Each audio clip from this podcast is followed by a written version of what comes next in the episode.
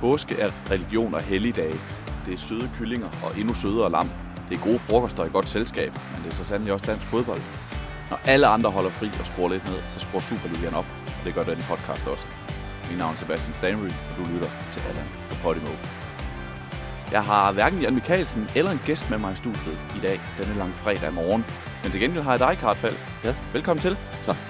Og tak fordi du har lyst til at være gæstemedvært for anden gang i foråret. Ja, det Vi var en fornøjelse sidst. Vi havde, ja, vi havde en tørn tidligere på foråret. Hvordan har du det med, med fodbold i, i påsken? Jeg har det godt øh, med fodbold hele tiden. Øh, så meget som, som muligt, kan man sige.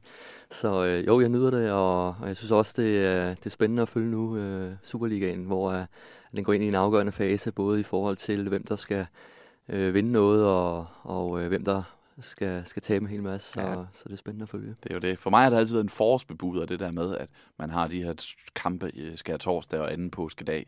Øh, og som du siger, så er det samtidig også starten på en periode, hvor det måske for alvor går ind i afgørelsens time. Ja, så øh, Det er lidt ligesom det juleprogrammet i, i England, ikke? Altså det er det her, der ligesom står som sådan en, hvad kan man sige, en pukkel, der skal, der skal, man skal igennem, og som et eller andet sted også måske viser, hvad, hvad, hvordan tingene kommer til at, at, at udspænde sig. Den kan jeg godt lide i påsken. Det er vores boxing day. Ja, det kan man godt kalde det. Senere så skal vi netop tale, øh, jeg laver et lille tema om den her periode, hvor man har kort, et hårdt kampprogram, som, Superliga-klubberne nu har nu. Nogle mere end andre, det vender vi tilbage til. Og også det her med at skulle møde øh, de samme hold flere gange, fordi det er jo også et tilfælde i et slutspil, hvor, det, hvor man på en koncentreret periode møder nogle, nogle modstandere en gang, ja. øh, eller flere gange. Ja. Lad, os gå til, øh, lad os gå til runden, som den startede onsdag aften, lige før påske. FC Midtjylland mod Randers. En, øh, en, en 3-1 sejr til, til hjemmeholdet i den kamp. Hvad var sådan dit indtryk af, af, af den kamp? Jo, men det, øh, det var lidt, som jeg havde forventet. Øh, to stærke, fysisk stærke hold, og som kører meget på organisation og power. Og det, det bliver altid nogle tætte kampe mellem de to hold. Og øh, så kan man så sige, så har Midtjylland bare den ekstra kvalitet, synes jeg. Man kunne se specielt også i, i går, øh, som, hvor man kan sige, de har nogle individuelle kvaliteter, som, som afgør kampen. Øh, fordi jeg synes egentlig, at Randers er, er godt med, og også i perioder øh, har godt fat i, i Midtjylland. Øh, men, øh, men der bliver det udslagsgivende, at, at Midtjylland har nogle spillere, som simpelthen øh, tager sagen i egen hånd indimellem og, og, og, og laver nogle ting, som jo er på højeste niveau i, øh, i Superligaen, og, og som jo reelt afgør kampen. Ja, jeg tror, jeg fik sagt, det var Midtjylland-Randers. Det var selvfølgelig Randers-Midtjylland. Det skal, lige, det skal lige med. Men det er sjovt, du siger det med, med, med, med de tætte kampe og, og med, med Midtjyllands øh, højere niveau. Hvad er, det, hvad er det ligesom, du ser fra, der gør, at den, den bliver afgjort til Midtjyllands side? Jamen, det er som sagt, at øh, Midtjylland har nogle spillere, øh, Evander øh, blandt andet, øh, Shined, og, øh, og, og som kan noget øh, individuelt, øh, og som kan som sagt se sagen i egen hånd. Øh, og så også i relation, nu kan du se med, med Drejer, øh, hvordan at øh, et par klassespillere i virkeligheden kan, kan både udføre og afslutte et angreb, øh, og, øh, og det er jo så nok til, at man kan, kan afgøre en fodboldkamp. Øh, og, og specielt de her tætte kampe, som, som de her to hold jo ofte har, jamen der, der er det jo så oftest en, øh, en, en, en god aktion fra en, en klassespiller, eller en god relation mellem to klassespillere, som, som, som afgør kampen, og det synes jeg også var, var tilfældet i, øh, i, i den kamp her. Det er tætte kampe, som så ofte ender med det samme udfald. Fordi der er jo den her ret vilde statistik med, at de har spillet 26 øh, kampe. De eneste 26 kampe har Randers ikke slået FC Midtjylland. Det er godt nok længe. Det, det er et år 10, vi nærmer os her. Øh, fire uger gjort har Randers fået den periode. 22 nederlag. Når det nu er sådan to hold, som har nogle ting til fælles, det fysiske, øh, for eksempel, og den her sådan, det der med at stå godt, det vil de i hvert fald gerne begge to i, der, i deres gode perioder. Hvordan kan det så være, at, at Midtjylland vinder hver eneste gang? Også, altså, år for år for år. Ej, nu tænker jeg jo, altså jeg tror ikke på, at der, der hænger spøgelser øh, over stadion. Øh, så jeg, jeg tror ikke, det har noget med altså, øh, hverken spøgelser eller noget, noget andet at gøre. Øh, det er, øh, som jeg ser det, selvfølgelig er det en vild statistik, lige præcis i det her tilfælde her, men som jeg ser det, så er det et spørgsmål om, at, at vi har med to klubber at gøre, hvor at den ene klub igennem de her øh, år, hvor statistikken den, øh, den gør sig gældende, øh, jo oftest har stillet med det bedste fodboldhold. Øh, Øh, de har haft, altså man må jo være ærlig at sige, jeg tror hvis du tager øh, de kampe, som, som de så har spillet mod hinanden, og hvor den her statistik, den, den, øh, den gør sig gældende, jamen der tror jeg, at øh, måske i sam, de fleste, langt de fleste kampe har Midtjylland stillet med et bedre hold. Og det er jo igen ligesom kampen sidst her, som jeg sagde, at det er jo, det er jo oftest udslagsgivende, at du har de dygtigste spillere, som så i, i sidste ende måske kan, kan hive en afgørende aktion op og, øh, ja, øh, og afgøre kampen. Ikke? Så, så, så jeg tror, at man skal først og fremmest kigge på kvalitetsforskellen øh, i, i den statistik. Øh, og det næste er jo så også noget med, med stil, fordi du kan godt have nogle øh, hold, nogle klubber, som passer bedre til hinanden end andre, hvis man kan sige det på den måde. Ikke? Altså det, det vil sige, at Øh, hvis, som, vi sagde, som vi snakker om før, at du har to klubber her, som, som i virkeligheden øh, kører meget på de samme ting, altså det vil sige organisation, øh, power, øh, Øhm, og det vil sige, at øh, Midtjylland øh, matcher jo faktisk øh, Randers på fysik, på styrke. Så Randers kan ikke komme med noget af det, der er deres styrke, og overmatche Midtjylland på det. Øh, Midtjylland matcher dem på det, men så har de så det ekstra flair. De har den ekstra kvalitet i, øh, i spillerne. Øh, og derfor igen er det faktisk bare godt billede den seneste kamp her. Øh, at øh, et eller andet sted, jamen, det som Randers er gode til, øh, det matcher Midtjylland og overmatcher i virkeligheden også. Og så har Midtjylland nogle spillere, som, som, øh, som kan afgøre kampen. Selvfølgelig øh, ser man jo ofte, at, øh, eller i hvert fald indimellem ser man jo, at den lille slår den store øh, og at øh, dem, der måske har øh, det bedste fodboldhold, ikke altid vinder. Så det, det er jo lidt, alligevel er statistikken lidt speciel, ikke?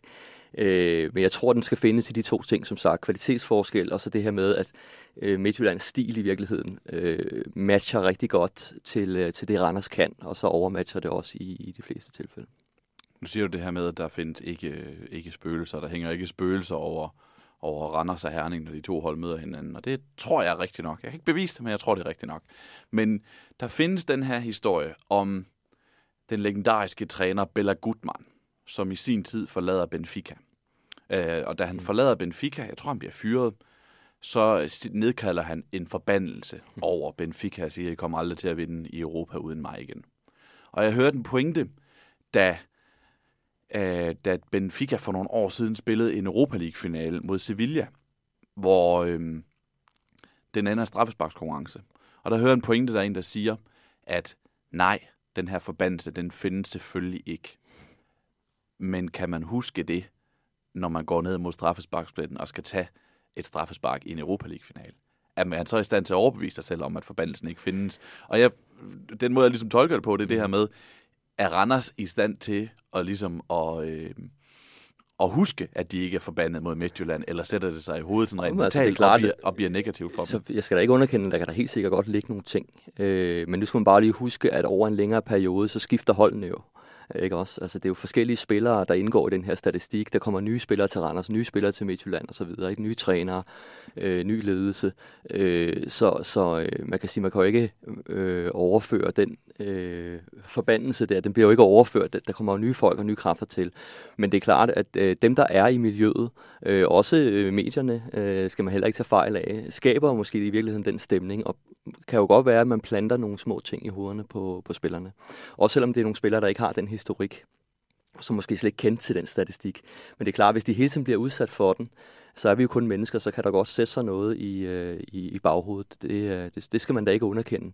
Øh, men så er der jo også den her igen med, at øh, ligesom hvis et, øh, et midterhold møder et tophold, eller bundhold møder et tophold, jamen der ligger jo lidt i det der storebror-lillebror forhold, øh, hvor at øh, man i virkeligheden også, at hvis du ser Brøndby, FC København osv., når de møder, hvis de er inde i en god periode, og de møder et andet hold, som måske i virkeligheden også øh, er, er, er dygtige nok i situationen til at slå, til at slå dem, så har de måske lige det der 5-10% ekstra simpelthen i, i kraft af, at, at, øh, at modstanderholdet øh, måske i virkeligheden ser, ser for meget op til dem. Øh, og, øh, og der er, der, der er noget momentum der.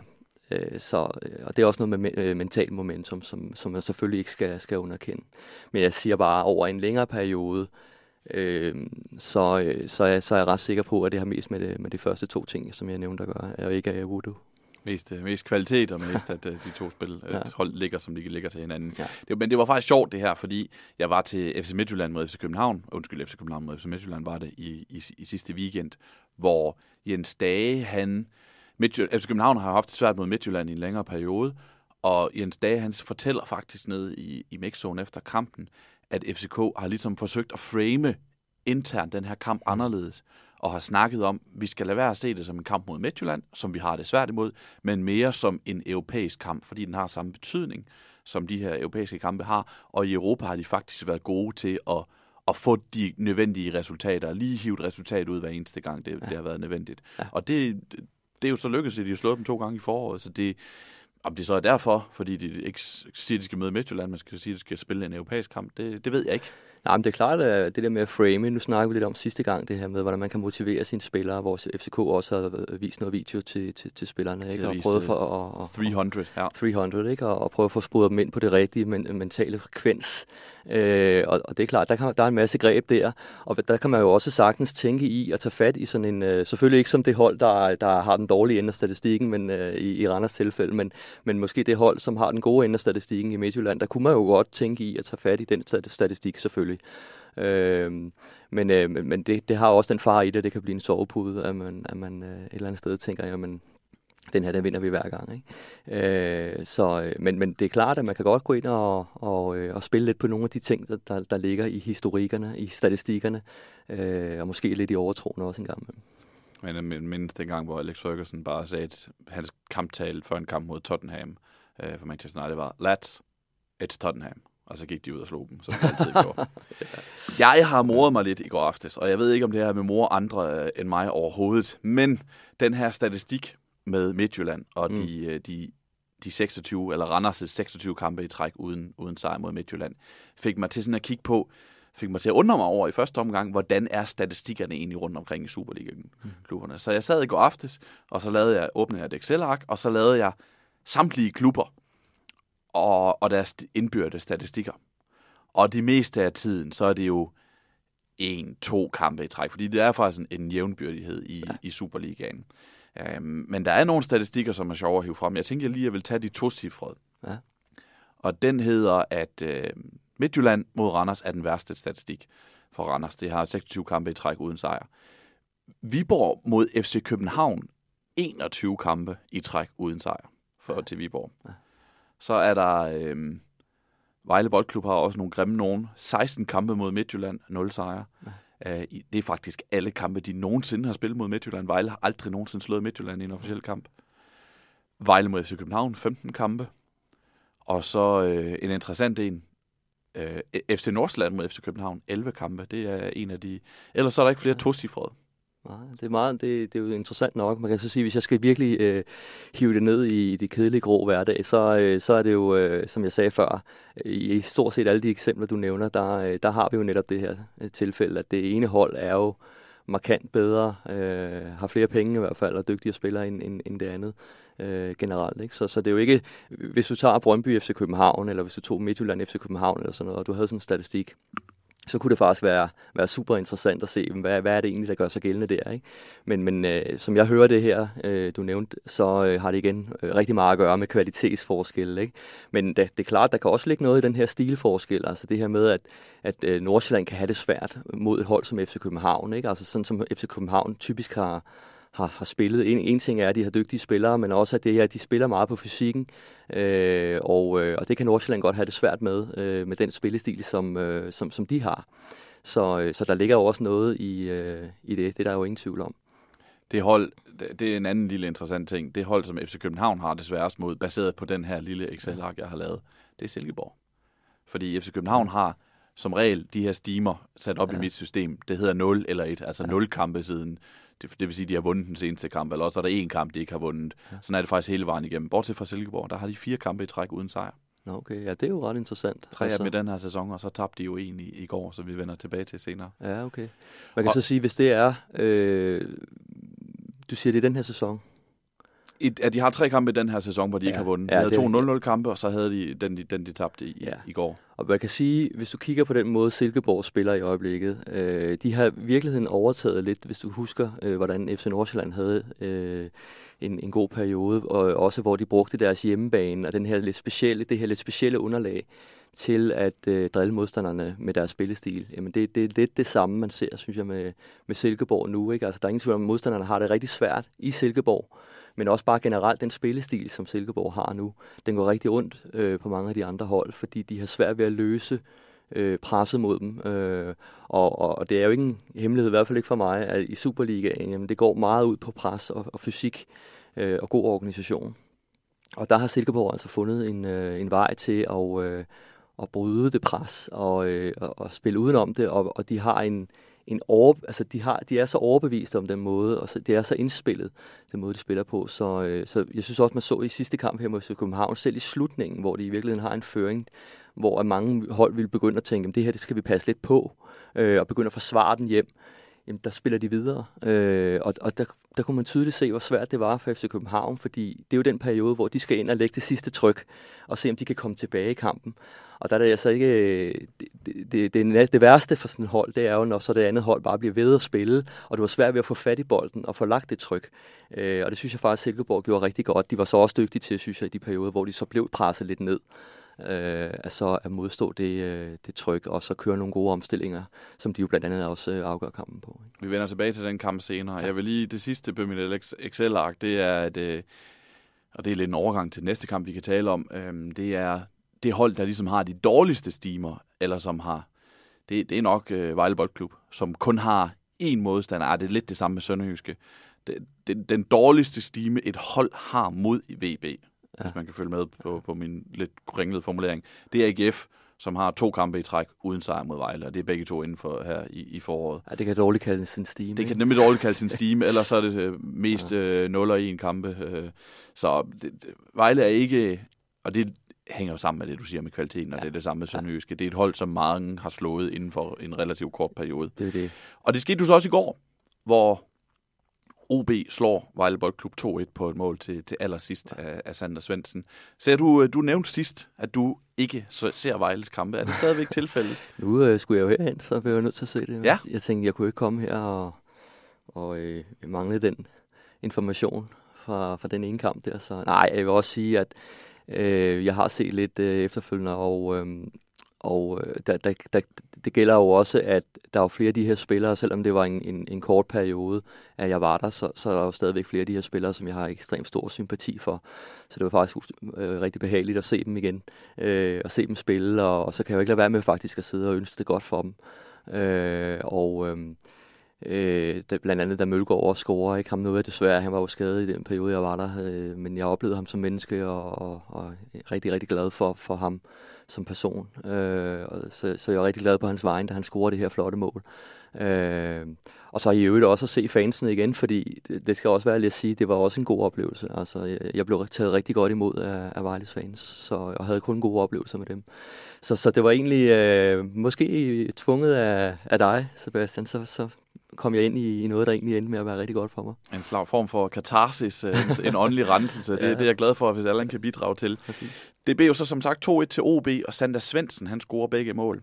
Og han er jo en lidt en, pussy historie, fordi han, hvis jeg lige sådan skal oprise hans, øh, hans historie i OB, så kommer han til OB i 19, 2019, øh, har en rigtig god debutsæson, spiller 31 kampe, scorer 13 mål, og så ryger han straks på tre lejeophold mm. i norsk fodbold. Øh, to gang, en gang i Brand og to gange i Ott. Og hvis man er lejet ud tre gange, mm. så ligner man en... Øh, så, så er man en færdig mand, ikke? Så er man mm. ligesom en, hvor man ligesom bare, er mit indtryk, øh, venter på, at den her kontrakt bliver ophævet, eller er, er, løber ud, så man kan komme videre. Ja.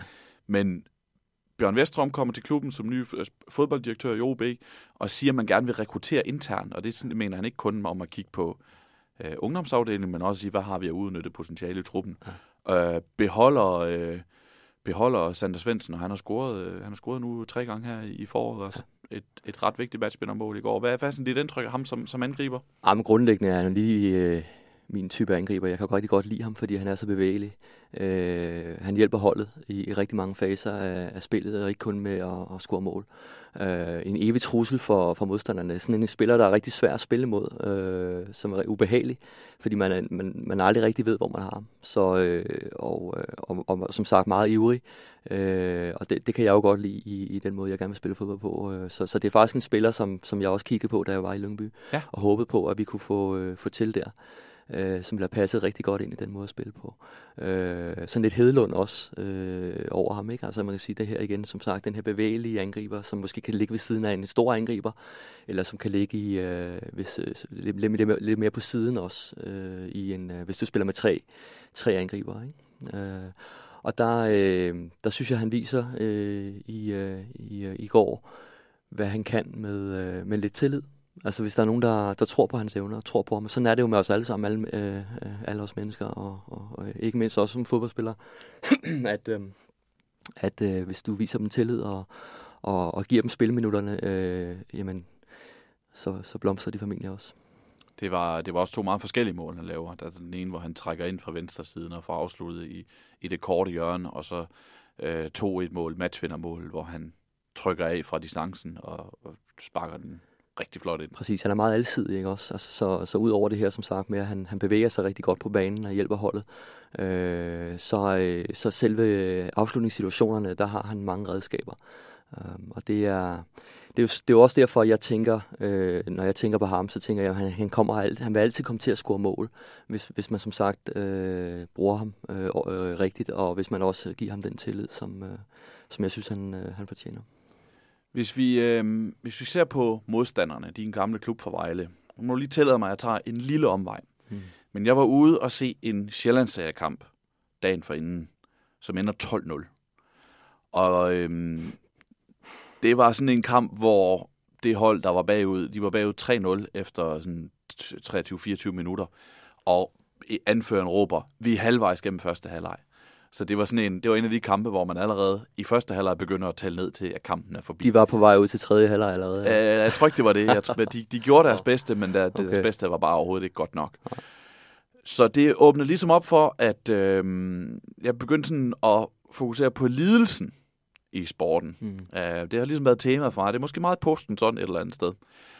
Og det gjorde så også, at da OB scorer til 2-1, så har jeg ikke kun fokus på Sander Svendsen, men også på Vejle, der taber den her kamp.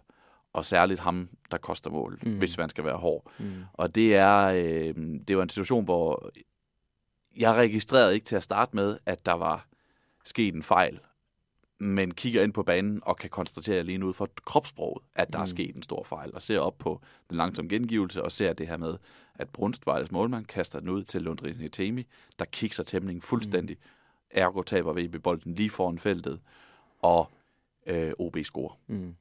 Og Vejle taber den her kamp, og det er anden gang inden Det for, gør så ondt. Det, altså, og det, det er anden gang inden for få dage. De smed jo også på ja, sent ja, i kampen i mandags med det her præcis. straffespark. Hvor vi jo også havde en, der havde vi en, en grædende øh, græske spiller, der, øh, ja. der gik for banen efter Emanuelidis, der havde begået det her straffespark. Ja. Hvad, hvad, hvad var sådan din, din, din oplevelse af situationen, hvor, hvor Hitemi kigger den her tæmning, og OB scorer? Det er jo, det er jo stress, altså øh, hvor, i en situation, hvor der præcis ikke skal være stress.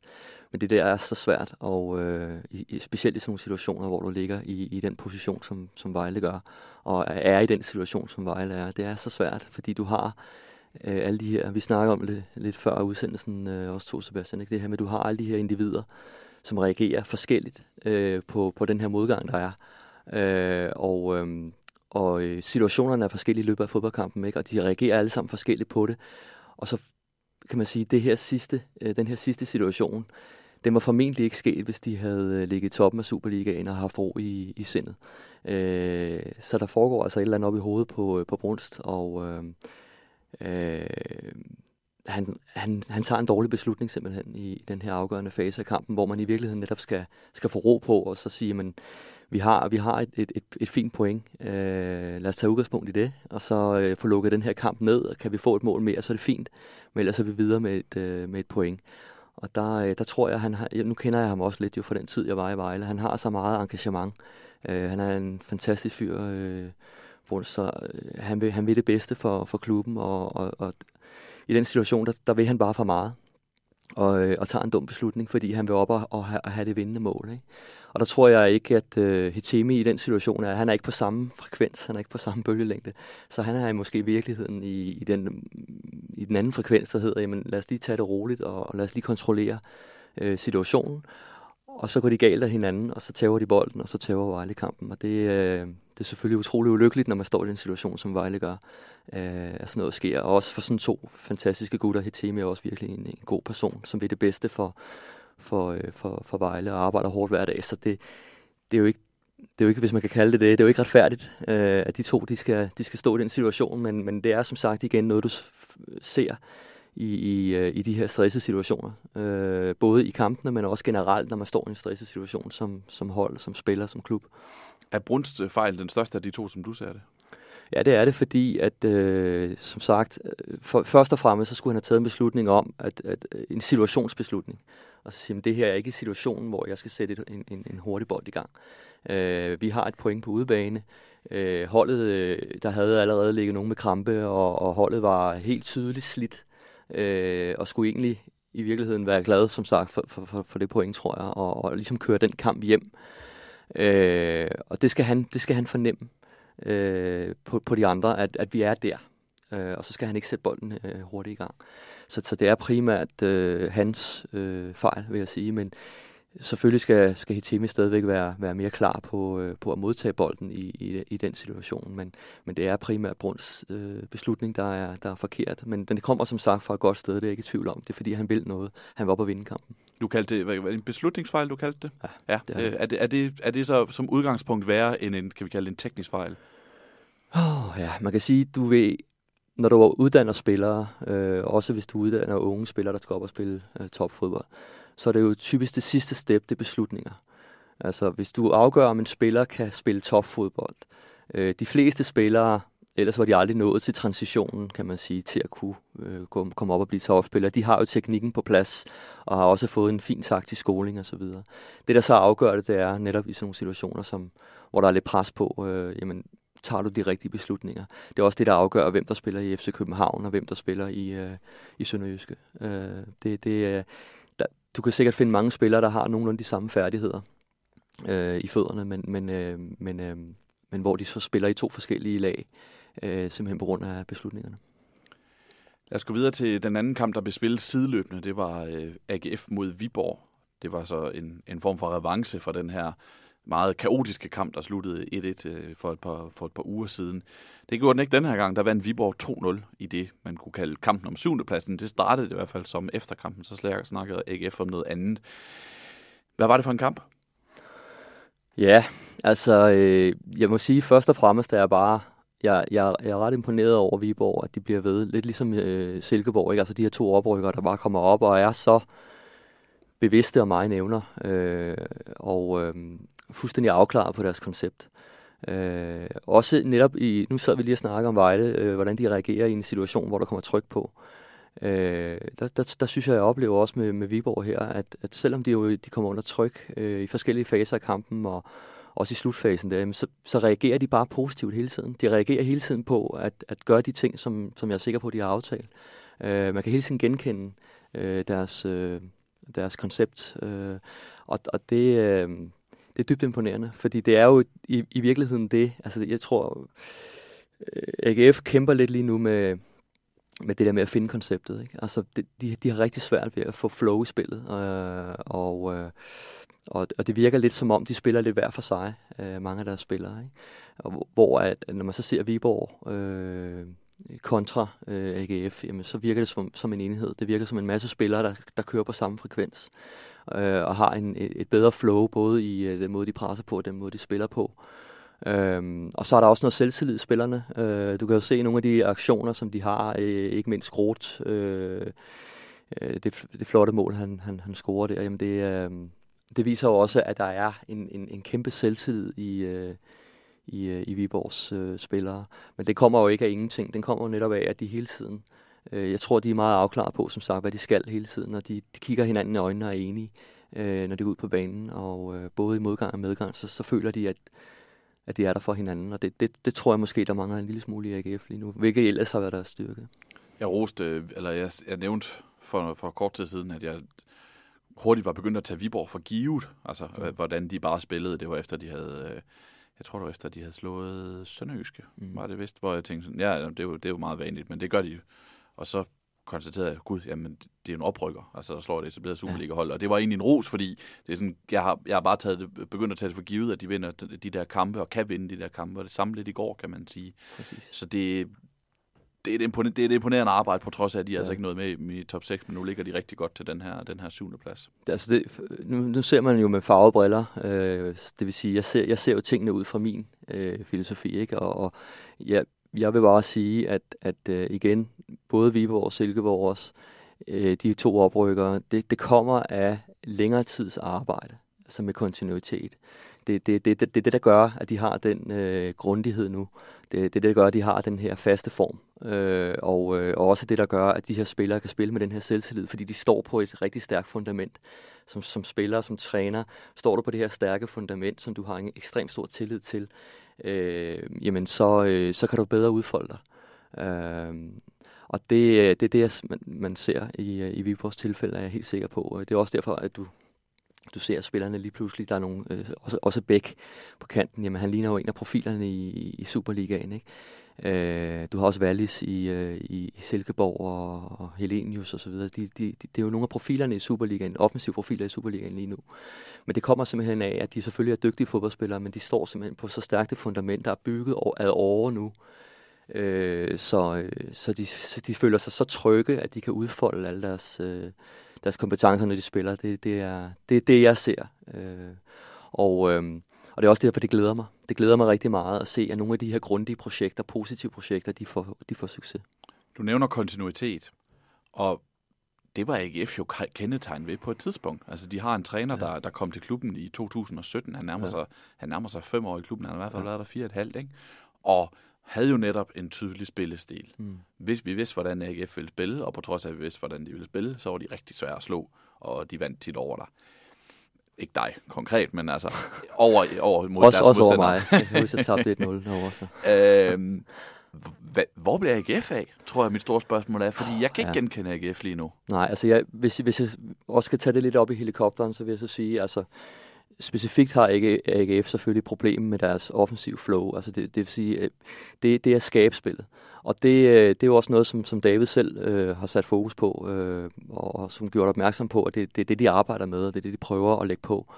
Øh, det, det har de simpelthen problemer med. Øh, men, men, men i helikopteren, der vil jeg sige, det er jo det, som jeg synes er det mest, vi skal være lidt, øh, lidt grove, så det, det mest skuffende faktisk, når man ser Superligaen i øjeblikket, det er, der er rigtig mange af topholdene, som, som, som faktisk har problemer på det område. Altså det her med at skabe spillet, og som jo faktisk i virkeligheden er skal være forskellen på, på topholdene og, og mellemholdene og bundholdene øh, i en række. Det, det, det skal jo være, at, at uh, topholdene har en, øh, en evne til øh, og en filosofi om at, at dominere kampene på bolden.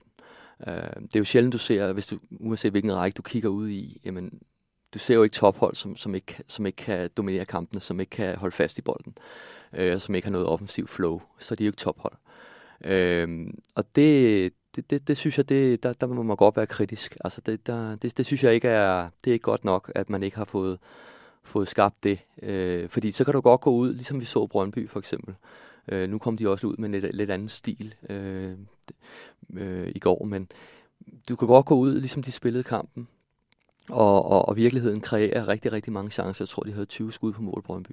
Og, og, og tage kampen. Og så kan du godt bagefter sige, men prøv at høre, det kommer næste gang eller næste gang igen. Det er 100% sikkert. Hvis vi, hvis vi præsterer på den her måde her, med udgangspunkt i den her præstation, og den måde, vi gør det på, den måde, vi dominerer modstanderen på, de chancer, vi skaber, jamen så er der grobund for at sige, så vinder vi den næste. Ikke? Problemet er, hvis man står, som, som AGF gør lidt lige nu, og, og ikke rigtig kan se i præstationen, at der er noget perspektiv til det her bliver bedre. Øh, at de bliver ikke bedre til at dominere kampene. Det, øh, det, det, det må være bekymrende. AGF som sagt, det her var kampen om, om syvende pladsen. Det var ligesom sådan, den beframede. Efter kampen, så begyndte AGF'erne jo at stå og snakke om, nu skal de undgå nedrykning. De har 10 point ned til Vejle øh, forud for de sidste, de sidste syv runder. Hvad tænker du om det, at AGF lige pludselig er en nedrykningskandidat? Altså det, det er jo altid, enten er de mesterskabskandidater, og så er de nedrykningskandidat.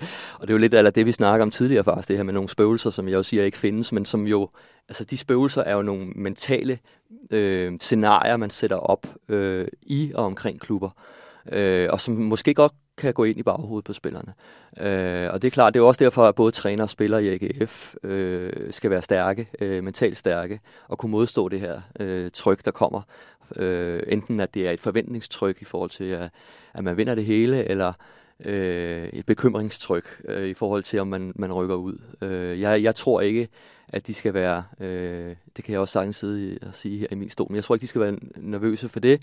Men det er klart, at de skal være bekymrede over, at de ikke øh, formår at forbedre deres præstationsniveau. Øh, jeg vil ikke være bekymret som bekymret over øh, pointene, men jeg vil være mere bekymret over perspektivet i det, og, og, øh, og, øh, og som sagt, øh, de manglende præstationer. Det, øh, det vil jeg være, også i, også i Davids stol, det er jeg også sikker på, hvor han er. Øh, jeg kan godt lide David, jeg har selv gået på, på prouddannelse med ham. Øh, rigtig god fyr, øh, og meget afklaret på, hvad han gerne vil. Øh, så jeg er sikker på, at de nok skal få, få løftet sig igen, men, men, men, men, øh, men hvis de skal være tophold, så er det jo, så er det, jo det helt specifikke, øh, kan man sige, fagtaktiske, det her med at, at, at blive bedre på bolden øh, som hold, de skal ind, og det bliver de simpelthen nødt til at rykke på. Øh, det, det er nok der, min fokus ville være jo i virkeligheden også, også i, i stedet for at begynde at snakke om, om øh, nedrykning, fordi gør du det nu, øh, i den her situation, de er, så, kan, så er der i hvert fald en ting, der er helt sikker. Så begynder de ikke at rykke på, øh, på deres øh, præstationer. Altså begynder de ikke at blive bedre på bolden og blive bedre til at dominere kampene. Hvis de begynder at snakke om nedrykning, så går det faktisk en anden vej. Fordi så, så er det typisk, at spillerne reagerer ved at, at spille mere stresset. Øh, og, øh, og i virkeligheden øh, øh, spille lidt mere i overlevelsesmode.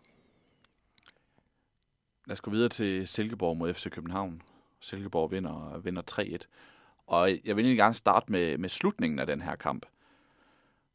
Da Søren Tingstedt i sidste, i sidste i tillægstiden løber ned mod, øh, mod FCK's mål i en omstilling, og har fire FCK'ere imod sig, og i stedet for at løbe ud med hjørnefladet og, og trække tiden, så løber han mod mål, og så scorer han, Gud hjælp med, og lukker den her kamp til 3-1. Og og i den grad tager det her pres, som FC København kommer med af, på en endnu bedre måde, end hvis han stod nede i, i hjørne, hjørneflader og besparket i anklerne. For mig der er det ligesom billedet på den her sikkerhed og selvtillid, som Silkeborg spiller med, at de har en spiller, der i den her situation ikke gør det klassiske at løbe ned, men siger, jeg tror faktisk, jeg kan score her, og så gør det. Ja. Det, det var imponerende, og det var en imponerende kamp fra deres side. Det er lige præcis, hvad vi snakker om før. Ikke? Altså det, det, det er den den selvtid, der er vokset ud af det hold her, det er jo fuldstændig øh, vildt. Ikke? Altså, men, men det kommer jo af de her års forberedelse til det niveau, de har i dag. Så man bliver nødt til at kigge tilbage gennem de senere år, også hvor de røg ud med et brag af, af Superligaen, men jo sagde, vi har en klar plan. Vi ved, hvordan vi gerne vil spille. Vi kommer ikke til at ændre på det. Øh, og, øh, og så får de altså simpelthen... Øh, så casher de ind på det nu. Øh, det er det, du kan se nu. ikke også? Og så, og så Øh, Øh, må jeg også bare, øh, vi må virkelig anerkende det ledelsesarbejde, der er foregået i Silkeborg. Der, der er ingen tvivl om, at det er der, øh, at hemmeligheden ligger. Det er, der, det er derfor, at en spiller som Tengstedt, han går, øh, isoleret set går ud og laver sådan en aktion her til sidst i, i, i, øh, i en kamp mod FC København her. Øh, det, det er fordi, der er ro på bagsmækken. Det er ikke i tvivl om. Altså ledelsen øh, giver ro til træneren, træneren giver ro til spillerne. Øh, så ledelsen og Kent Nielsen i spidsen som kulturbærende på, at vi ved præcis, hvad vi, kommer, hvad vi skal. Øh, vi, vi, har, øh, vi kan godt tage en fodboldkamp, men vi går stadigvæk ud næste gang og øh, arbejder videre på vores ting. Øh, og vi tror stadigvæk på det, vi har gang i. Vi tror stadigvæk på vores koncept. Den ro, den, den planter sig i, i, øh, i spillerne. Øh, det, det, det, det bliver en tryghed. Øh, de ved, hvad det er, de skal præstere. Det er ikke en sovepude, fordi der, der er uden tvivl kæmpe krav til de her spillere, både i forhold til, hvor meget de skal arbejde uden bolden, og også hvad de skal kunne på bolden. Det kan vi jo se. Det er jo svære ting, de, de, øh, de skal kunne, også under pres. Øh, men, men øh, de ved helt sikkert, at gør vi det, jamen så, øh, så er der heller ikke nogen problemer. Altså, så kan vi også godt tage en fodboldkamp øh, og så arbejder vi konstruktivt videre mod den næste. Den tryghed, spillerne er sikre på, det er det, der gør, at sådan en som Tengstedt, han viser den selvtillid, som han, han gør i den situation, hvor han løber op og scorer til sidst i kampen. Og i øvrigt også, som jeg også sagde til dig øh, før udsendelsen her, Sebastian, det her, man kunne se det i Silkeborg-holdet, at selvom de havde en føring mod FC København, som jo var et stort resultat for dem, så blev de ved med at prøve at spille. De, de tabte ikke spillet og begyndte at gå ned og pakke sig og, og forsvare sig. De, øh, de holdt fast. Selvfølgelig blev de trykket ned en gang imellem og klarede også det fint. Men det var meget tydeligt for mig at se, at, øh, at det er indgroet det koncept nu, øh, selv i, i, i modgangstider. Silkeborg har jo, som, øh, som vi også nævnte om, da vi, da vi snakkede om Steamer, så har de spillet øh, to kampe mod FC København i den her sæson, som, øh, som begge to er, er sluttet 0-0. Og den her kamp kunne også godt, eller mest fordi man havde de to kampe i, i baghovedet, kunne også godt være på vej mod 0-0. Øh, og så scorer Silkeborg. Mm. Efter, øh, FC, efter FC København har holdt 0 i syv kampe i træk, så scorer Silkeborg. Det er, det er Wallis, der scorer til 1-0. Kan man, kan man sige noget om, udover de ting, du nævner med, med sikkerheden og troen på egen system og sådan noget, hvorfor blev det Silkeborg, der fik prikket hul på bydelen i, i den her kamp mod FC København? Altså i bund og grund er det jo også tilfældigheder, ikke? Altså det er ligesom vi snakker om med Midtjylland og, og Randers nogle gange i, i, i lige kampe. Så det tilfældigheder, det kan også være netop, at, at kvaliteten i en spiller, selvtilliden øh, i en spiller på det givende tidspunkt, øh, det gør jo så, at, øh, at han går ind og afgør den fodboldkamp. Øh, men, men øh, der kommer selv, øh, FC København kommer jo også med, med en kæmpe selvtid og en rigtig god stime, så, så det er jo to hold, der møder hinanden lidt på samme præmisser. Øh, hvor man bare må sige selvfølgelig, at det ene hold har jo også, burde jo have bedre spillere end, end, end, end det andet hold. Ikke? Så, så jeg vil sige, det er, nok, det er nok lidt tilfældigt, at det er Silkeborg, men ikke mere tilfældigt, end at igen, de skal have kæmpe kredit for den indsats, den præstation, de leverer. Den er jo nok til, at de kan vinde den kamp. Øh, men FC København kunne også have vundet den kamp. Øh, men, men, men kæmpe kado til, til Silkeborg. Nu har de jo ikke prøvet det før det her forår, i hvert fald ikke i Superligaen. Hvordan synes du, at FC København reagerede på at være bagud? Nej, jeg synes egentlig, de reagerer øh, okay. De har lidt svært ved at, at, at få lagt det der øh, endelige tryk. De, de havde lige øh, nogle situationer, hvor, hvor det virkede som om, at nu var de ved at få lagt det. Men så alligevel øh, kan man også sige, at da de så får lagt tryk, jamen så, så øh, rammer Silkeborg dem jo på den her øh, omstilling, ikke? Som, som afgør kampen. Så det er også der, hvor Silkeborg er utrolig svær at spille imod, fordi øh, når du prøver at lægge tryk på dem, jamen, så er de rigtig gode til at spille sig ud af, af, af presset og bevare roen, som jeg sagde før. De har så meget øh, tillid til deres koncept og selvtid til egne evner, så, så de bliver bare ved med at spille. Øh, og det er altså ubehageligt, når, når, når, når du er travlt øh, som hold og skal, skal ind og lægge det tryk på dem, at, at det andet hold bare bliver ved med at spille, og, og det tager lang tid for dig at, øh, at få fat i bolden. Det er klart, det, det umuliggør jo øh, det tryk, du gerne vil lægge. Men så samtidig også, at de så har den evne til, at når du så får lagt trykket, så skal du være rigtig nervøs for, at lige pludselig så ligger den altså nede i, øh, i den anden ende, fordi de også har den her øh, super skarpe øh, omstilling. Så, øh, så Silkeborg har et koncept lige nu, som er rigtig svært for modstanderne at, øh, at greje. Altså uanset hvilken fase du er i som modstander, så har de altid et, øh, et, et modsvar til det. Øh, så, så jeg synes egentlig, at FCK gjorde, hvad de kunne. Men jeg vil også sige, at mm, FC København isoleret set, nu, nu sagde jeg det her med, øh, at topholdene har lidt svært ved at dominere kampene. Jeg synes, at FC København er et af eksemplerne på, at de vil rigtig gerne. Øh, jeg kan godt lide at se FC København spille, fordi jeg kan se, at de har intentioner om at dominere kampene øh, både i presset og spillet, men, men jeg synes også, de har det svært ved det øh, indimellem, når man tænker på øh, øh, det hold, de har, de spillere, de har, og den dygtige, træner, og den dygtige trænerstab, de har, som jeg ved, de har, så, så er det lidt, øh, det undrer mig en gang imellem, at de ikke kan holde fast i dominansen lidt længere tid ad gangen i, øh, i kampene, øh, og måske også over flere kampe. Øh, de, de har lidt problemer med at dominere kampene, men jeg er sikker på, at det er jo, jeg ved, det er noget af det, de, de også arbejder på at blive bedre til. Vi snakker meget om øjebliksbilleder her i Allan, og vi prøver at lade være at snakke ud fra øjebliksbilleder, men taler mere sådan om dem. Og nogle gange så kan man måske godt være, have en tendens til at gøre det alligevel, eller kigge, sådan, lade, sig, lade sig drage af de der øjebliksbilleder. Fordi vi har snakket utrolig meget om FC Københavns utrolige defensiv, der er umuligt at score imod. Og det har jo fungeret rigtig godt for dem, og det har givet dem maksimum point i foråret indtil, indtil i går. Nu taber de så den her kamp i mm. Silkeborg, og så kigger, så kigger jeg automatisk op i den anden ende af banen, mm. og, øh, og kigger så på, at de har scoret fem mål i fem kampe. Et mål i hver af de fem kampe. De havde 4-1-0 sejre, og nu går de så en enkelt mål mod, mod Silkeborg. Så, så det peger vel også ind i det der sådan, måske lille offensive øh, udfordring, de har. Og kan det blive et problem for dem i afslutningen på den her sæson? Ja, men det, det igen, jeg har jo farvebriller på i forhold til det her, ikke? Altså, hvad jeg tror på. Øh, men men jeg, tror, jeg, jeg tror, det er det her med det offensive flow, som, som jo så gør, at de ikke har fået, øh, har fået scoret de mål, de skal. Ikke? For de har jo kvaliteterne i spillerne. Øh, du kan også, måske kan du godt sige, de mangler måske en, en angriber, der, der, der virkelig har mål i støvlerne. Ikke? Øh, men, men, men det er, nu, nu solgte de, øh, de vinder, og, og, og det er måske... Øh, det er måske også det, der mangler lidt på, på et hold som FC København. De har ikke fundet den her faste. Nej, altså de mangler ham, der er garant øh, for målene. Ikke? Den her topangriber i Superligaen, som er garant for målene for dem. Ikke? Det, det, det, det, det skal siges. Det skal alle tophold have. Men, men jeg tror også, det har lidt at gøre med det her med, at, øh, at de lige mangler de sidste procenter på deres offensive flow, der gør, at de så kan komme til de chancer, som, øh, som, som afgør kampene. Men til gengæld vil jeg så også sige, og det, det er jo igen med de her farvede briller, jeg har på, at jeg synes jo, det er interessant at se, at det her med, at de ikke lukker så mange mål ind. Silkeborg, som du sagde før, ikke lukker særlig mange mål ind. Og det er jo to af de hold i Superligaen, som har den mest offensive strategi.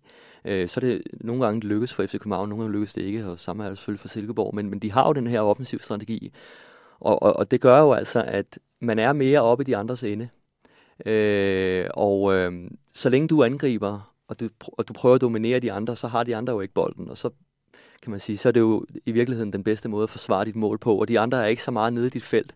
Og det er jo sådan i Superligaen, og det var også det, jeg sagde, det, da, da jeg startede med Lyngbyholdet faktisk, at øh, hvis du er lidt proaktiv her, øh, og du skal forhindre, at der går mål ind, så skal du ud af dit felt jo. Fordi det er der, at rigtig mange Superliga-holdene er stærke. De er stærke på indlægsfasen, øh, hvor de kan bruge deres fysik. Øh, og der øh, kan, du, kan du flytte dit hold ud af din egen øh, indlægszone og, og befinde dig lidt, lidt højere op på banen i større dele af kampene, så giver det næsten sig selv. Så er det jo logik. Altså modtager du ikke så mange indlæg øh, og så mange chancer imod. Og det, det, det er sådan, jeg ser øh, Silkeborg og øh, FC Københavns succes faktisk rent defensivt lige nu. Udover selvfølgelig, at de, de er også øh, godt afstemt i bagkæden og deres pres og alle de her ting. Men, men øh, med det, at de står lidt højere op på banen og lykkes med det, og også øh, har bolden i store dele af kampen, det gør, at de ikke modtager så mange chancer i, øh, imod og ikke så mange mål. Så det synes jeg faktisk er en interessant øh, ting at, at se. Her i, i Alland har vi, øh, nu siger jeg vi, i hvert fald jeg, flere gange været ved at forære FC København guld på forhånd, fordi de havde de her ni point, og ikke, det var ikke kun de ni point, det var også det faktum, at man ikke kunne score imod dem, mm. og de vandt at formåede altid at vinde deres kampe på en eller anden måde. Nu viser det sig så, at de kan tabe fodboldkampe. Mm. Og lige pludselig så bliver 9 point til 6 point. Og Midtjylland, som har fået meget kritik her i foråret, og krise, og Bos øh, er blevet diskuteret osv., hvis man så kigger på dem, så har de vundet fire ud af de seneste seks kampe, og de har, øh, de har faktisk kun tabt, de to kampe, de har tabt, har været til FC København mm. på to 1-0 nederlag, og øh, tæt 1-0 nederlag, hvor deres målmand ikke har set alt for godt ud i situationerne. Er guldkampen åben? Meget ledende spørgsmål. Ja, det er den jo. Altså, men, men det er igen det der med, at mm, de der øjebliksbilleder, man kan tage ud hele tiden, ikke? også de er super underholdende, men det er jo ikke sådan, det fungerer. Altså, det, fodboldhold vinder og taber, øh, også en gang imellem. Øh, selv tophold Øh, Øh, der er nogle ganske få hold i verden, der, der, der, der vinder hele tiden nærmest, men, men øh, alle andre, de, de har nogle gode øh, faser. Øh, gerne, øh, hvis man skal være tophold, skulle det gerne være nogle gode længere faser. Og så har man nogle kortere faser, hvor man øh, måske øh, det er lidt stolpe ud, og det, det er det, man ser øh, nu specifikt i den kamp her øh, for FCK's vedkommende. Man har måske set det i en periode med, med Midtjylland også. Øh, men, øh, men igen, altså det, hvis jeg skal tilbage til det, jeg sagde før omkring det offensive flow, så er det selvfølgelig også det, som hvis du, hvis du skal vinde turneringen, og du, du, du skal være det bedste hold i Danmark, så, så, så kræver det også, at du har en, en øh, kontinuitet i den måde, du, du dominerer kampene på som tophold.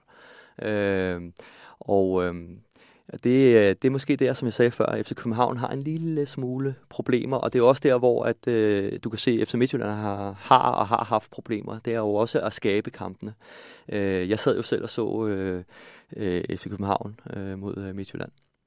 Og, øh, og, de, og de spillere, som Midtjylland har, altså den kvalitet, de har i truppen, det er jo fuldstændig vildt øh, efter danske forhold. Øh, de spillere, som der bliver skiftet ind undervejs, er jo spillere, som jo vil spille alle kampene for, for langt de fleste andre øh, hold i Superligaen. Men, men det, at det hænger sammen, og at de bruger hinanden, og der er et, et helt tydeligt udtryk i holdet, det synes jeg også, de, de, øh, de, de, øh, de kæmper lidt med øh, Midtjylland. Og det er derfor at måske også, at resultaterne begynder sådan at svinge lidt. Øh, det er den bedste måde i hvert fald at have kontinu- kontinuerlige resultater, gode resultater på, det er i hvert fald at have kontinuitet i dine præstationer det er sjovt med det her med, med, med guldkampen, fordi 6 point er 6 point, rent matematisk. Men 6 point, hvis man går fra 3 point til 6 point øh, forspring, så kan man godt sige, nu er guld afgjort. Men hvis man går fra 9 point til 6 points forspring, så ser 6 points forspring lige pludselig meget mere skrøbeligt ud, fordi man har bevist, at man kan tabe. Men man skal også huske, ikke? Altså, det er jo det der med 6 point, det ser jo fint ud der, ikke? og så kan man så sidde selv og regne og sige, så er der kun 6 point op, det er jo to sejre. Jo, jo, men det er jo to sejre, hvor de andre så tager to gange. Mm. Øh, så, så selvfølgelig de indbyrdes møder, der, der, der, der er lidt ekstra på spil der, men, men det er jo svært at hente 6 point. Altså 6 point er meget, ikke? Øh, men alt kan ske i fodbold, som sagt, og øh, igen, Midtjylland har en øh, vanvittig stærk øh, trup af spillere, som vi også så her i sidste kamp, som, som, som på, også på egen hånd kan, kan gå ind og afgøre øh, kampene. Øh, og jeg er sikker på også, når det spidser til, og skulle det blive tæt, jamen, så har de også spillere, som, øh, som i de situationer kan leve under det tryk, der er, øh, og, øh, og leve op til, til forventningerne, og, og også afgøre de, kamp, de afgørende kampe. Så, så det er absolut ikke et hold, man skal, man skal afskrive efter Midtjylland. Nu nævnte du det her med, at Midtjylland, de, hvem de kan skifte ind og sådan noget. Og jeg havde en observation fra Superliga-runden. Og jeg er ikke sikker på, at man kan drage nogle konklusioner ud fra den overhovedet. Og der er ikke sikker på, at der er nogen fælles træk, men jeg synes bare, det var interessant, at FC, øh, øh, FC Midtjylland havde sorteret Pione Sistro fra til deres trup. Mm. OB havde sorteret Baskim Katri fra til deres trup. Mm. Og FC København havde sorteret Nikolaj Jørgensen fra til deres trup. Det er tre tidligere danske landsholdsspillere, offensive danske landsholdsspillere. Mm. Nogle af dem har endda været profiler på det danske landshold, som stadigvæk har en tålig alder i fodboldsammenhæng. Øh, de to af dem er lige over 30. Pion Tisto er stadigvæk øh, midt i 20'erne, som ikke spiller fodbold lige nu, og som ikke bidrager til deres hold. Som sagt, der, man kan jo ikke ligesom tegne fælles billeder og deres historier forskellige og sådan noget, men hvad, hvad, hvad, når jeg nævner de her tre navne for dig og siger det her med, at de bidrager altså ikke til deres hold i øjeblikket, hvad, hvad tænker du så? Det er super ærgerligt, først og fremmest. Øh, jeg hørte også Bo selv sige på øh, før kampen i, i går, at han er jo selvfølgelig også som træner, og klubben efter Midtjylland er super ærgerlig over, at Sisto ikke kan spille. Og det er vi alle også fodboldfans øh, skal jo være rigtig, rigtig ærgerlige over, at nogle af dem, der jeg mener, vi køber billetterne for at se, øh, de spiller ikke. Det, det, det er jo i virkeligheden en, en forlidt erklæring. Øh, hvor den regning og hvor den erklæring så skal ligge, det, det, det, det, det ved vi jo ikke øh, af, gode, af, af gode grunde. Øhm, øh, jeg håber jo ikke, at det er øh, en mæthed i de her spillere, altså, øh, der gør, at de ikke præsterer det, de skal, og så ikke øh, spiller. Men det er jo det, der ligger øh, lige for, kan man sige, fordi det er jo øh, det er jo også spillere, som, som de her klubber bruger rigtig mange penge på. Øh, og bruger rigtig meget energi på at få til at fungere. Så det, det er jo, hvis de ikke bruger dem, så, så må man jo gå ud fra i hvert fald, der, der er en, en, en rigtig god grund til det.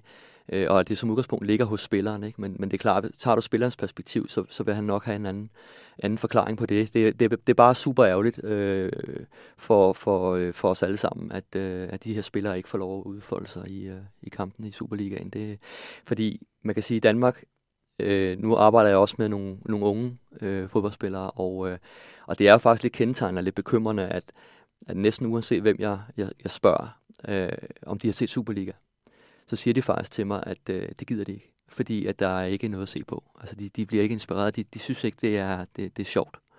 Øh, og det, øh, det er jo blandt andet øh, noget, som de her spillere, altså det er jo det, de skal fikse, kan man sige. Det er jo, at vi får den unge generation med, de nye fans af Superligaen, kommer ind og, øh, og gerne vil se øh, kampene.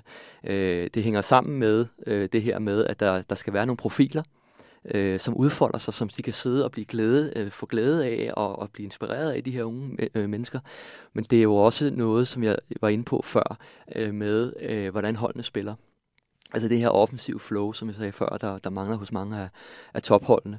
Øh, det, det, det, det skal jo være sådan, når, når, når, når, når topholdene spiller, eller uanset næsten hvem, der spiller i Superligaen, så skal man jo næsten ikke ville forlade sit sæde og gå ud og købe en, øh, en, en pølse. Jeg tror, det var Sorniger, øh, da han startede Brøndby, der sagde, at, at vi skal spille en, en, en form for fodbold, så, så, så du simpelthen ikke uh, kan gå ud og købe en stadionpølse, uh, mens, mens vi spiller. Ikke? Fordi så, så er du sikker på, så er du gået og glip af en hel masse. Ikke? Det, det, det, det mangler der, og det, det synes jeg, man skal tage alvorligt, fordi vi er jo alle sammen i den her osteklokke, der hedder fodbold, på, på topniveau. Der koncentrerer vi os hele tiden om den næste kamp, og, og resultaterne, og øh, bundlinjen, og, og alle de her ting, men vi skal bare ikke glemme, hvem der er, der betaler showet, og hvem, altså, hvem vi er afhængige af. Det er altså dem, der sidder derude med, med, med, med, ja, med, med hotdoggen. Ikke? Øh, de, de skal altså underholdes, og også den næste generation. Så derfor synes jeg også, for at perspektivere lidt ud på det, vi snakker om med de her profiler her, at det er super, super ærgerligt, at uh, spillere som, som de her gutter her, de ikke spiller. Lad os gå videre til, til Sornikers gamle klub, Brøndby AB. AB vandt den her kamp på, på Brøndby Stadion uh, 1-0. Og var det en kamp, som man ikke kunne gå ud og købe, købe en pølse undervejs? Var den så spændende? Hvad var lige den tryk? Jamen, det er jo faktisk en rigtig god overgang, det her. Fordi, øh, ja, tak. Ja. For det, du, du, byggede, du byggede selv op til den. yes. Øh, det var det, du så der. Det var det, vi så. Det var egentlig, øh, at Brøndby vendte tilbage, som, som jeg så det i hvert fald. De vendte faktisk lidt tilbage til Sornik og starten. Øh, jeg ved jo, at øh, på Akademiet i Brøndby, der er de jo fortsat med øh, den her øh, overfaldsfodbold, som, som Sorniger han kom med til førsteholdet. Øh, jeg tror, så, så vidt jeg, jeg ved og, så, og husker, så, så var det faktisk noget af det, som Sorniger måske fik lidt kritik for. Det var, at han ikke rigtig øh, var...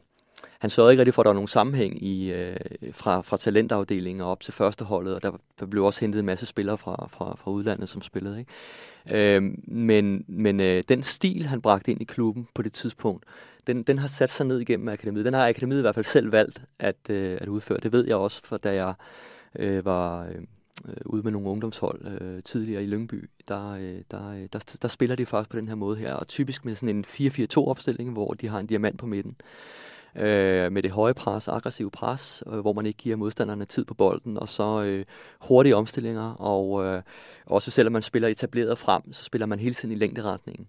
Øhm, og så øh, overfalder man øh, boldtabet, ikke? altså det vil sige det her genpres, øh, gegenpressung der, som, som, som, øh, som ligger øh, latent i de her ungdomsspillere. Og det er også det, du kunne se, at, øh, at Kvistgården, Øh, jeg, jeg tror ikke, det er helt tilfældigt også faktisk, at han får den her startopstilling. Det er jo fordi, han... Hans første startplads i Superliga. Ja, ja, det er jo fordi, at de faktisk i den her kamp, der har de taget den approach på kampen, som, som, som han er vant til øh, fra ungdomsafdelingen.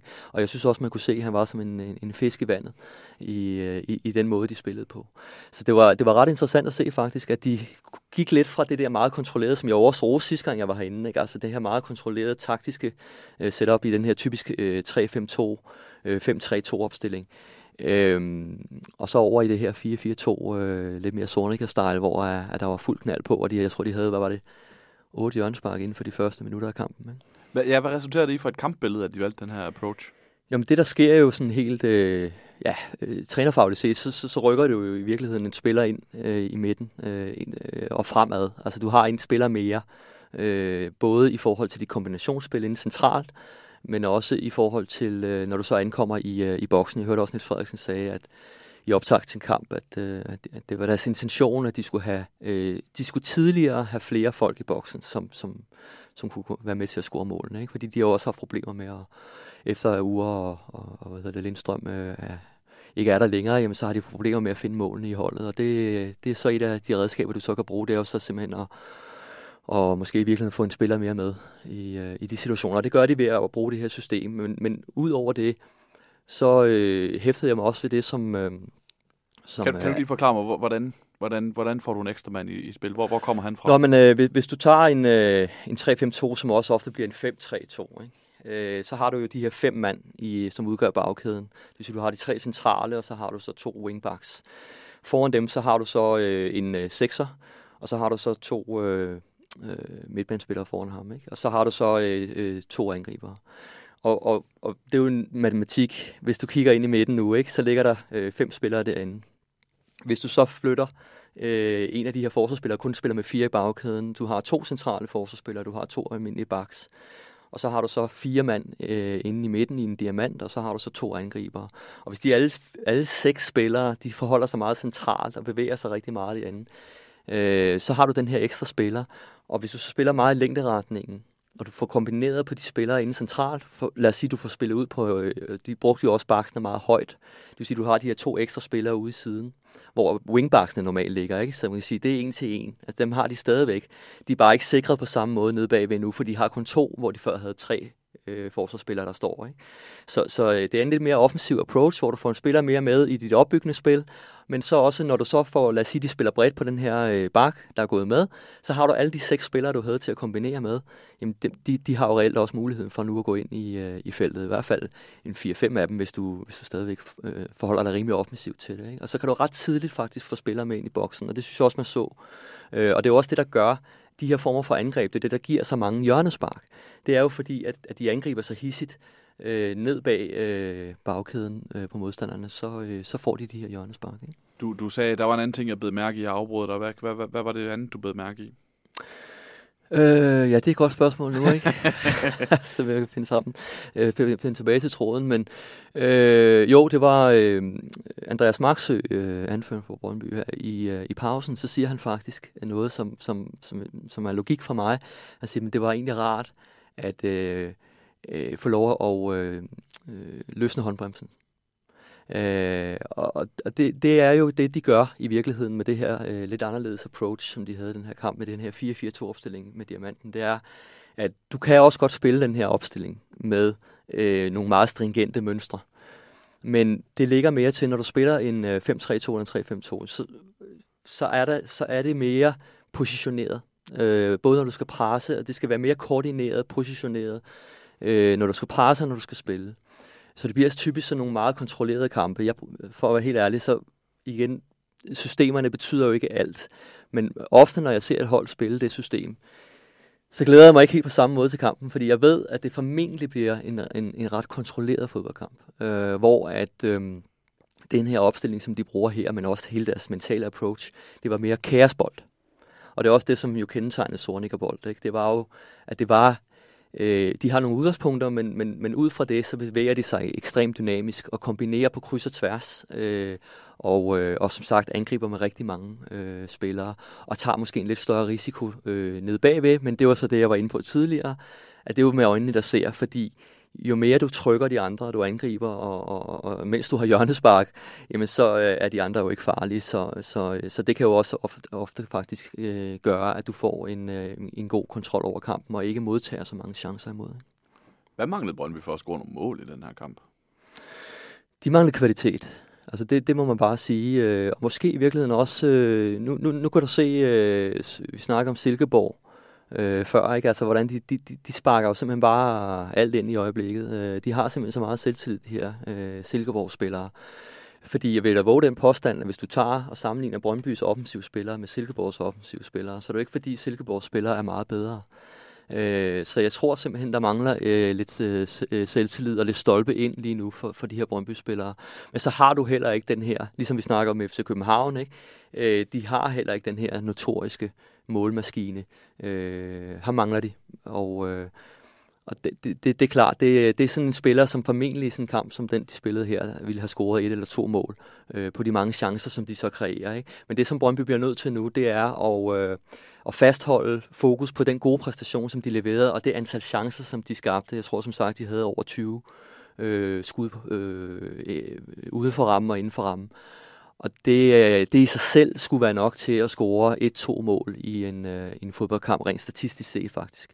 Øh, og det skal de holde fast i, og så skal de holde fast i den her gode følelse, de har af den her fodboldkamp, for det er ikke i tvivl om. Det kunne jeg se på spillerne. Øh, jeg kunne se, at de havde det godt med det. Øh, at de følte, de havde spillet en, en rigtig god fodboldkamp, og, de, og, og det giver perspektiv til de næste kampe.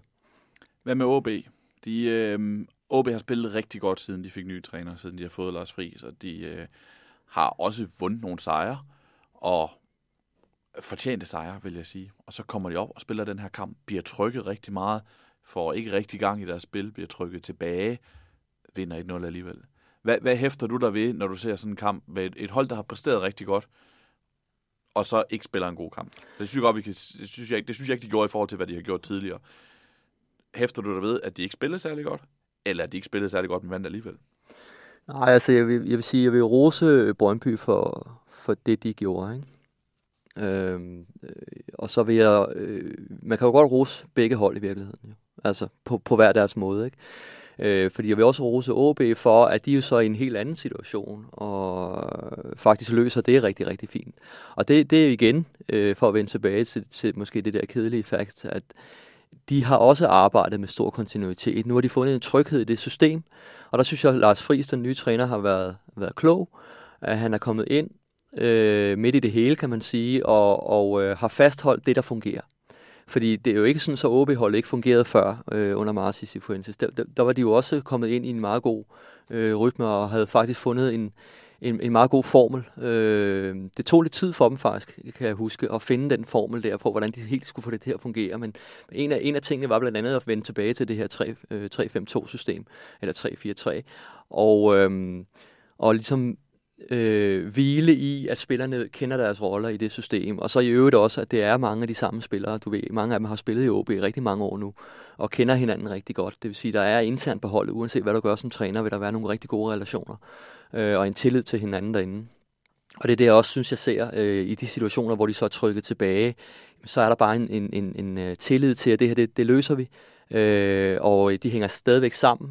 Alle udfører deres opgave, og jeg tror, at Lars Friis selv kaldte det togetherness, øh, det her engelske udtryk i, i, øh, i pausen, at det var, det var rart at se, at, at holdet ikke øh, bliver splittet ad, når man ikke lige øh, spiller, som man gerne vil, men, men at man i stedet faktisk rykker sammen i bussen, og så løser man den situation, og det synes jeg, de gjorde rigtig, rigtig flot, men, men igen, hvis det skal være tophold, og nu begyndte øh, kommentatorerne jo at snakke om igen, at øh, øh måske er det et sølvhold det her, ikke også? Øh, og der, der, der bliver man bare nødt til igen at vende tilbage til, så, så hvis, hvis de skal være det, så, så skal de selvfølgelig også være dygtigere til at fastholde deres spil. Så må de jo ikke have kampe som det her, hvor de ikke kan finde deres spil i en hel fodboldkamp. Også uagtet, at øh, Brøndby gør det rigtig godt. Der skal de, finde, øh, der skal de forbedre deres, øh, deres offensiv del af, af, af spillet. Men, øh, men øh, som sagt, i den her kamp her, der, der lykkedes det, og det var, det var godt arbejde. Det er meget interessant med det her, med det her medaljekamp lige pludselig, ikke? fordi jeg tror, jeg tror, jeg havde en forventning om, at det ville blive FC København, Midtjylland og Brøndby, der ville sætte sig på det her. Nu er, nu er OB distanceret Brøndby med, med fire point, og kun fire point op til Midtjylland, som du siger, Sølv, det, at, at kommentatorerne snakker om det. Jeg har da også kigget på muligheden for det, ikke? Samtidig med, at jeg åbner op for, at Midtjylland kan hente de der seks point på FC København. Så ja. det, bliver et, det bliver et interessant forår det er resten af Super resten interessant, super interessant, ikke? Og så se netop deres approach på det, ikke? Og deres reaktioner på, øh, de her situationer her, spillernes og trænernes og klubbernes reaktioner på, på når, det, når, når de kan vinde noget, og også dem, der, der kan tabe noget. Det, det, det bliver meget interessant at, at følge.